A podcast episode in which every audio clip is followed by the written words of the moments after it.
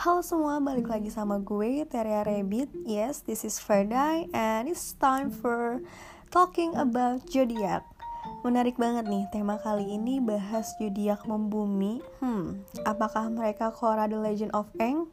Pada tahu kan, zodiak dengan elemen tanah ini ada Virgo, Capricorn, and Taurus. Kalau Virgo sih gue udah apel banget ya, seperti apa mereka Hey mantan Virgoku. I know mereka itu punya segudang pengetahuan yang luas Tapi kadang nyimpen sendiri. Ya semakin tinggi padi semakin menuduk bukan? Itu yang mencirikan kalau Virgo itu orang yang rendah hati. Sisi melankolis diambil semua sama Virgo. Even for some case mereka selalu ingin terlihat baik-baik aja. Tapi kalau udah numpuk banget Boom. Pasti tahu kan apa yang terjadi? Yes nangis sejadi-jadinya nggak peduli di mana pun tempatnya. Eh tapi lo pasti bahagia deh punya pasangan Virgo. Karena mereka tuh royal banget. Hmm, apa itu price tag? Bakal punya banyak cara untuk menjadikan lo ratu atau raja di istananya. Ya lebay sih. Tapi memang begitulah Virgo. Kalau buat Virgo yang belum punya pasangan coba lebih peka deh dunia lo emang asik, tapi kalau asik sendiri juga bosan kan? Makanya, kalau gebetan lo udah ceritain tentang kehidupannya, berarti mereka itu udah tertarik sama lo. Gue tahu lo nyari yang perfect, kayak lo nya sendiri kan, perfeksionis. Tapi sayangnya di dunia ini gak ada yang sempurna. Sisain sedikit air mata lo karena lo itu udah keseringan banget ngeluarin air mata even for small things tapi ya nggak masalah sih. Itu tandanya emang lo punya hati yang sangat lembut. Virgo itu serius banget anaknya. Mereka memang terlihat menyenangkan but in a deep down mereka sensitif banget. Pasti nih abis dengerin podcast ini kayak kepikiran emang iya ya? Kalau sisi tergelap tergelap Virgo tuh apa ya? Um, mereka tuh nggak segan-segan untuk menyudutkan lo kalau lo bersalah nyoba memanipulasi kesalahan, jangan coba-coba deh. Karena mereka teliti banget. Kadang pikiran mereka nggak kekontrol dan bikin mereka pusing sendiri. Oke, okay.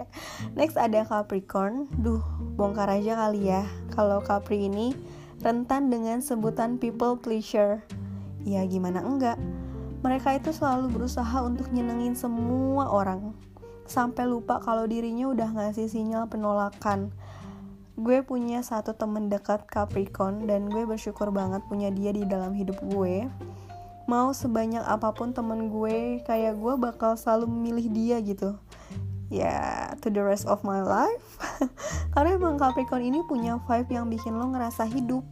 Dan mereka juga punya magic word dalam hidupnya Gua mengakui sih kalau Capricorn ini memang punya pemikiran yang kritis dan punya tekad kuat dalam hidupnya.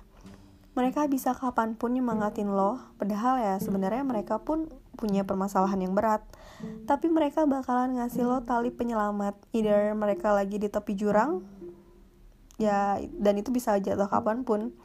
But ya, pertemanan sepenting itu untuk uh, Capricorn Walaupun kebanyakan orang akan melupakan sahabatnya ketika mereka punya pasangan, tapi itu nggak berlaku untuk Capricorn. Hey, buat para Capricorn, nggak usah terburu-buru untuk mencapai semua target. Semua orang punya timelinenya masing-masing. Gue percaya lo bakal achieve satu-satu goals lo. Coba deh untuk menemukan perspektif baru dalam melihat sesuatu agar nantinya lo nggak kecewa dan lo bisa menjadikan itu peluang untuk melakukan upaya yang lebih besar ke depannya. And yes, dengan memiliki pemikiran yang terbuka, itu akan ngebuat lo lebih bijaksana. So, cheers up, Capricorn. Last but not least, ada Taurus, my favorite zodiac, yang keras kepalanya sama kayak batu. Treat me like a queen or king, and you are trash. What that mean? Ya itu jangan terlalu manjain Taurus karena mereka sendiri udah sadar kok kalau mereka itu emang queen or king. Main-main sama Taurus kayaknya lo deh yang bakal dipermainin. Jadi hati-hati ya jangan sampai lu am salah ambil langkah kalau lo lagi berhadapan sama Taurus. Hmm, kenapa ya? Kayaknya Taurus ini emosian banget. Enggak juga kok. Mereka juga punya sisi lembutnya ya emang jarang kelihatan aja mereka Aries si Taurus ini memang memahami semua konsekuensi atas pilihan hidupnya. Jadi jangan pernah lo nasehatin mereka A, B, Z, either dengerin aja. Mereka dan ya lo bakal tahu gitu sesmart apa mereka menyikapi hal-hal yang terjadi. Buat lo nih yang lagi menjalin hubungan sama Taurus, memang kerasanya harus lebih sering ngalah dan kadang bikin lo bingung harus gimana untuk ngadepin si banting ini. Karena salah dikit aja tuh lu bisa diseruduk. Yang penting jangan mancing monster yang lagi tidur dalam dirinya untuk bangun. Karena di luar itu sebenarnya Taurus tuh malaikat banget. Makanya sedikit-sedikit coba pahami mereka nggak ada salahnya sesekali ngikutin kemauan dia Taurus emang bukan orang yang setengah-setengah dalam menjalin hubungan tapi untuk berkomitmen mereka masih harus memikirkannya berulang kali Kenapa ya?